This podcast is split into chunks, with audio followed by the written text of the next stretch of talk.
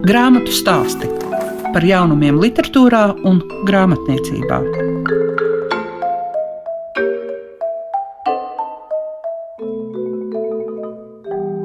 Savu skanējumu sāk grāmatu stāsti. Raidījumu veidojas Liega Piešiņa, un jūs šodien dzirdēsiet Dainu Tabūnu. Viņa stāstīs par savu debijas romānu Raganas, kā arī Džena Andersone iepazīstinās ar nu jau savu trešo stāstu krājumu, kura nosaukums ir Krīta apļa.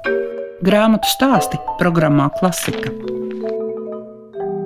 Trīs gadu laikā Dženai Andersonai ir iznākusi trešā grāmata. Tur jau gan jāskaita ar gada skaitli 23. Šogad jau mēs tikai par to runājam. Un, ja sākās ar dažiem, tad bija sainis, un tagad krīta apļi. Jūs arī tikpat intensīvi Džena rakstāt, kā esat izdevusi, vai tas jau ir tomēr drusku agrākā laikā uzrakstīti stāsti. Par tiem stāstiem sanāk, ka tādā laika periodā trīs grāmatas tapušas, bet tie stāsti rakstījās viens pēc otra diezgan intensīvi. Tā kā viņi nāca tā rindā viens aiz otru, kā viņi pieteicās, tā es viņus arī faktiski pierakstīju. Beigās viņi sakārtojās šādā veidā tajos trīs stāstu krājumos. Jā, diezgan intensīvs bija rakstīšanas laiks. Vai arī tagad jūs tikpat intensīvi rakstāt? Šobrīd ir tā, ka es esmu pabeigusi darbu pie sava pirmā romāna, kad es to pabeidzu un es iesniedzu. Un šobrīd tur vēl viss tikai tādā sākuma stadijā, teiksim. Es sāku mācīties Latvijā akadēmijā, dzējas meistardarbnīcā. Tad šobrīd es vairāk darbojos ar, ar dzēju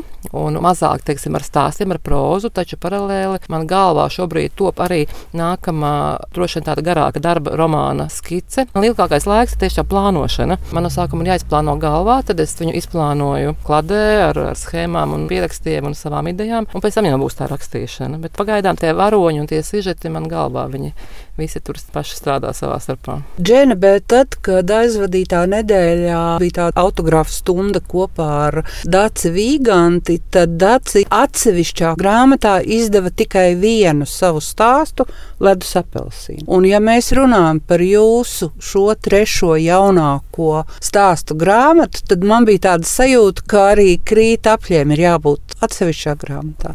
Jā, droši vien, ka arī tā vajadzētu būt, varbūt tā arī kādreiz būs.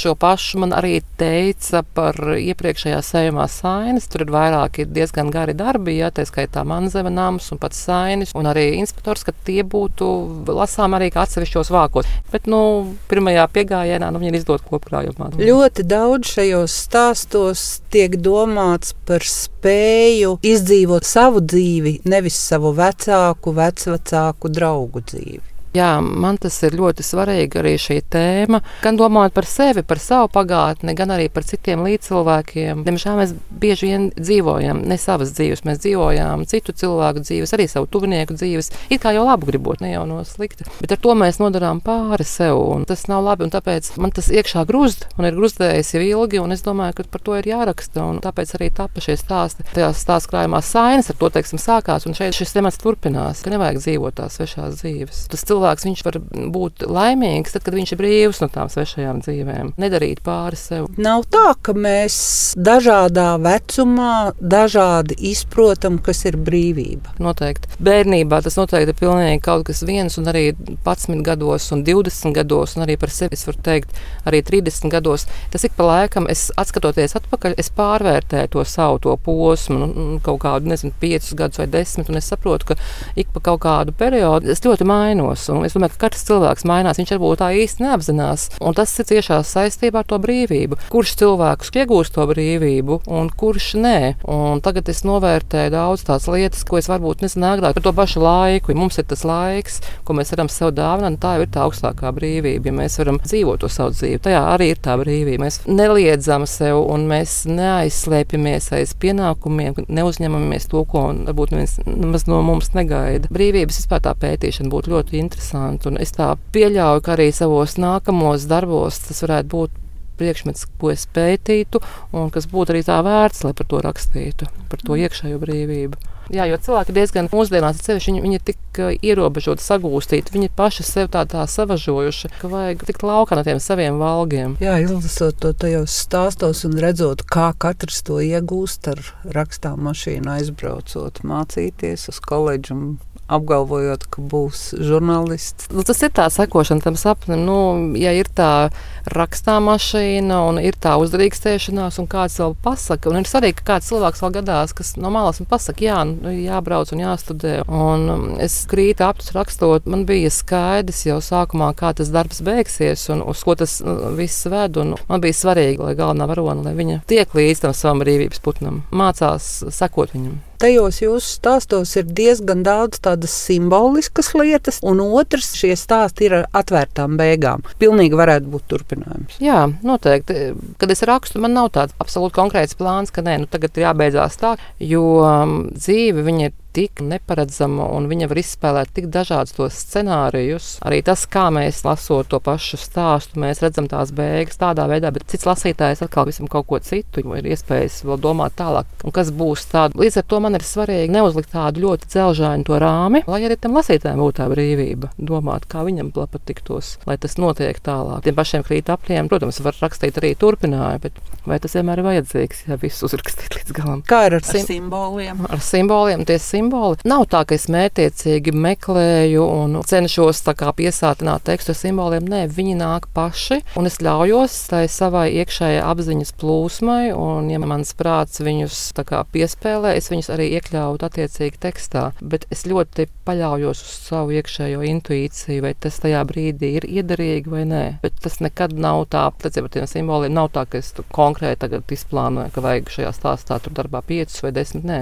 Man liekas, ka atšķirībā no pirmām divām stāstu grāmatām, šī gadījumā ir jūsu secinājumi. Tieši šajos stāstu varoņu domās Man liekas, ka tas tā ir. Jā, laikam šī grāmata ir trešā, un viņā vairāk ir tādi, kā tu teici, pārspriedumi. Varētu teikt, ka tas ir tā tāds apkopojums arī par iepriekšējiem stāstiem, jo tie no cilvēka un tas, kas viņiem ir galvās, un tas, ko viņi domā, tas jau faktiski ne tikai teiksim, zēnā vai pieaugušā cilvēkā, tas ir tas, kas mums virmo gaisā. Un es mēģināju arī teiksim, pat ne tādā speciālā veidā, ne tā mētiecīgi to tagad kaut kā didaktiski rakstīt kaut kādus slēdzienus. Nē, tas arī veidojās diezgan dabiski, ka tie cilvēki, tie varoņi, tie stāstu varoņi, viņi tajā savā darbībā, tajā savā rīcībā, viņi nonāk pie šādām atziņām, un tās arī tā atspoguļojās gan tajās viņu iekšējās pārdomās, gan arī tajā rīcībā. Un tas varētu būt, ja šis trešais krājums kā tāda pavilkta tāda svītra zem iepriekšējiem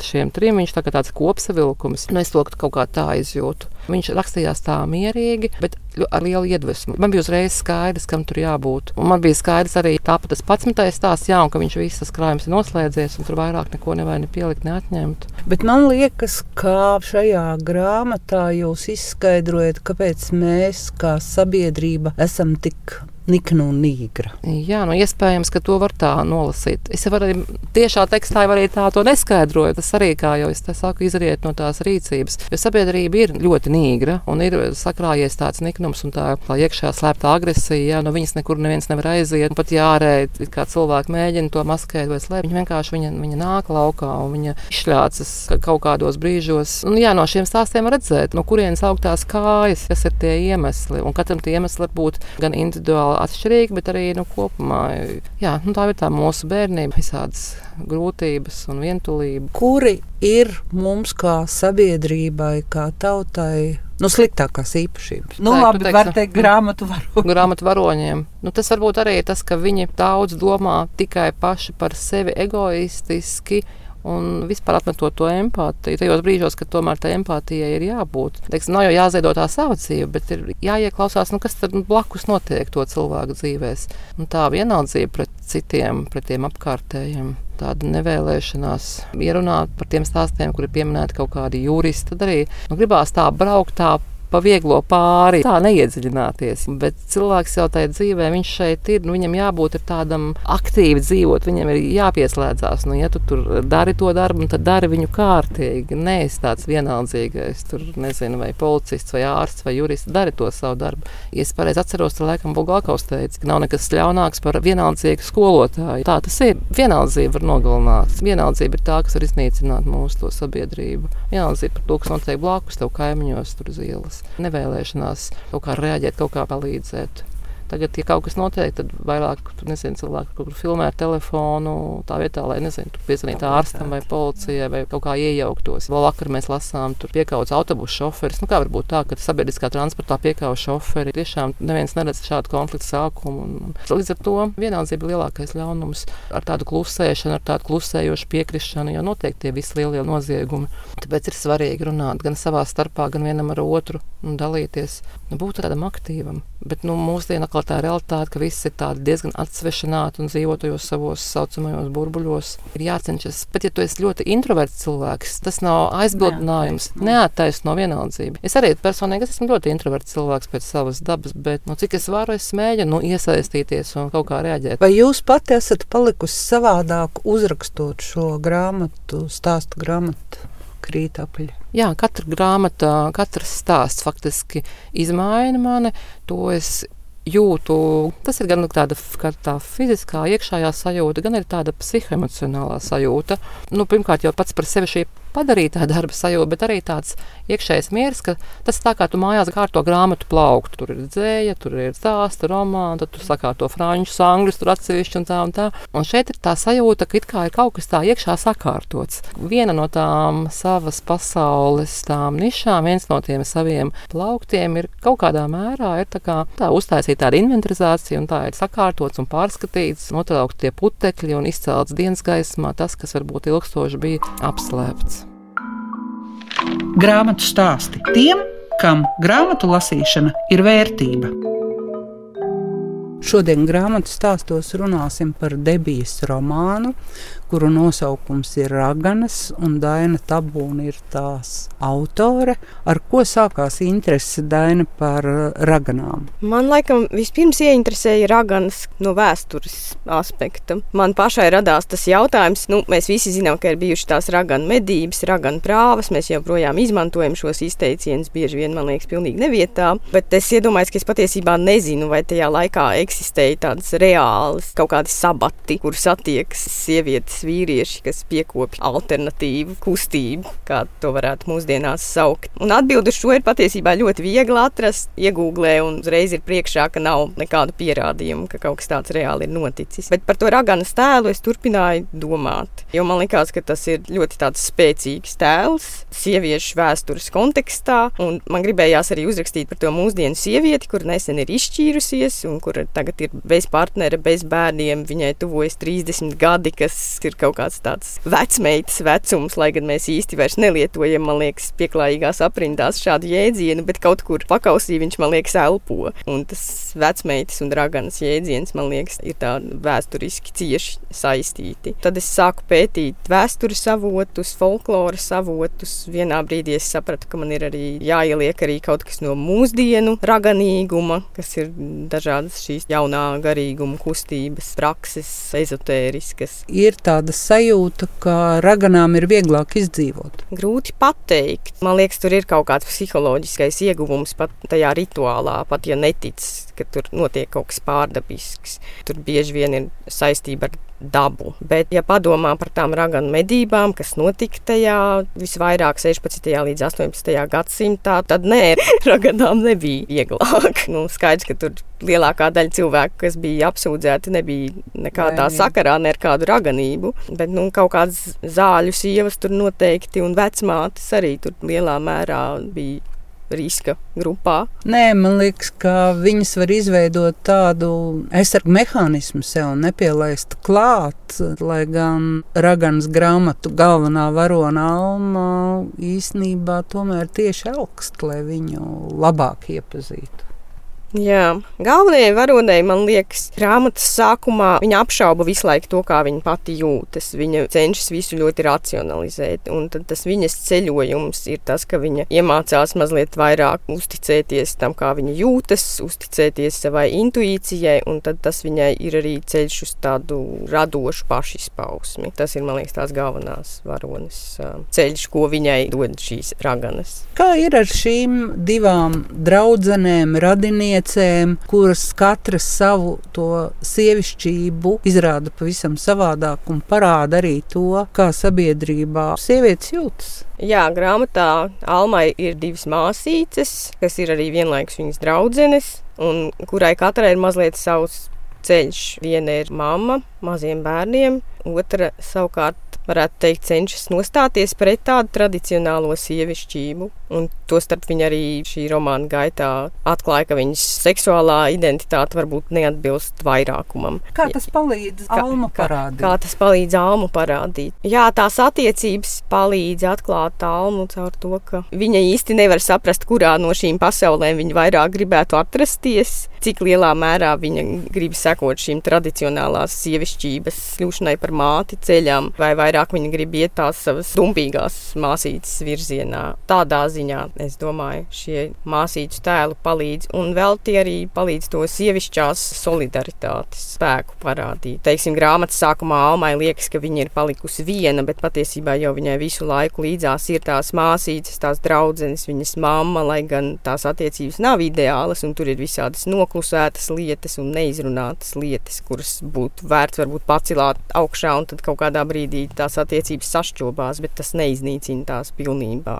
Vai ir jāizstāsta viss? Pašai ir tāda sajūta, ka reizēm nevajag visu izstāstīt. Domāju, ka visu nemaz nevar izstāstīt. Galvenokārt tas, ka tik līdz kā tu kaut ko esi pateicis vārdos, tur uzreiz uzrodas nākamā versija. es rakstot to bieži vien izjūtu, ka man liekas, ka esmu uzrakstījusi to, kā es domāju un kā ir, un tad paiet mazs, mazs brītiņš, un es saprotu, ka nē, es esmu to aizmirsusi un to, un ka tā īstenība jau ir tāda ļoti sarežģīta un daudzslāņaina un visu laiku mainās. Jau no tā fakta, ka tas ir pateikts kaut kas, jau tā realitāte ir mainījusies. Man liekas, ka ir arī svarīgi tajā teikšanā saglabāt cieņu pret sarunas partneri un sevi. Alma mainās šīs grāmatas ietvaros, un viņai ir jāaiziet cauri ezotēriku. Kāpēc tieši caur to?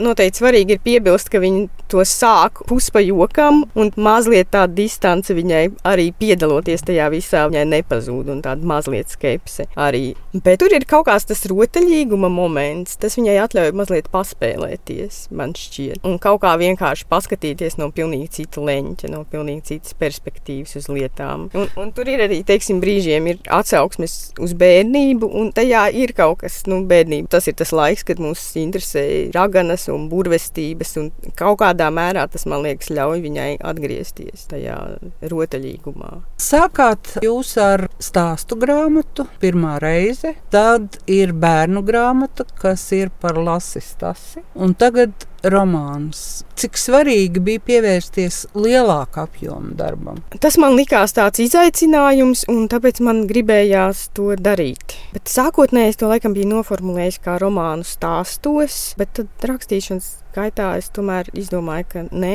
to var arī saukt mierīgi par romānu. Jo tā galvenā centrālā sižeta līnija tomēr ir tāds vienots stāsts vairākās daļās, un tad ir tie paralēlie stāsti, kas ir starp nodaļām kas ir, var teikt, ceļojuma laikā, un ka viņi iekļaujas šajā pamatsižetā arī vienlaikus būdam tādu neatkarīgu vēstījumu, viņi tomēr papildina arī to centrālo. Bet jā, viena no lietām, kas man uh, mudina pievērsties kādam darbam, ir tas, ka man tas mazliet biedē.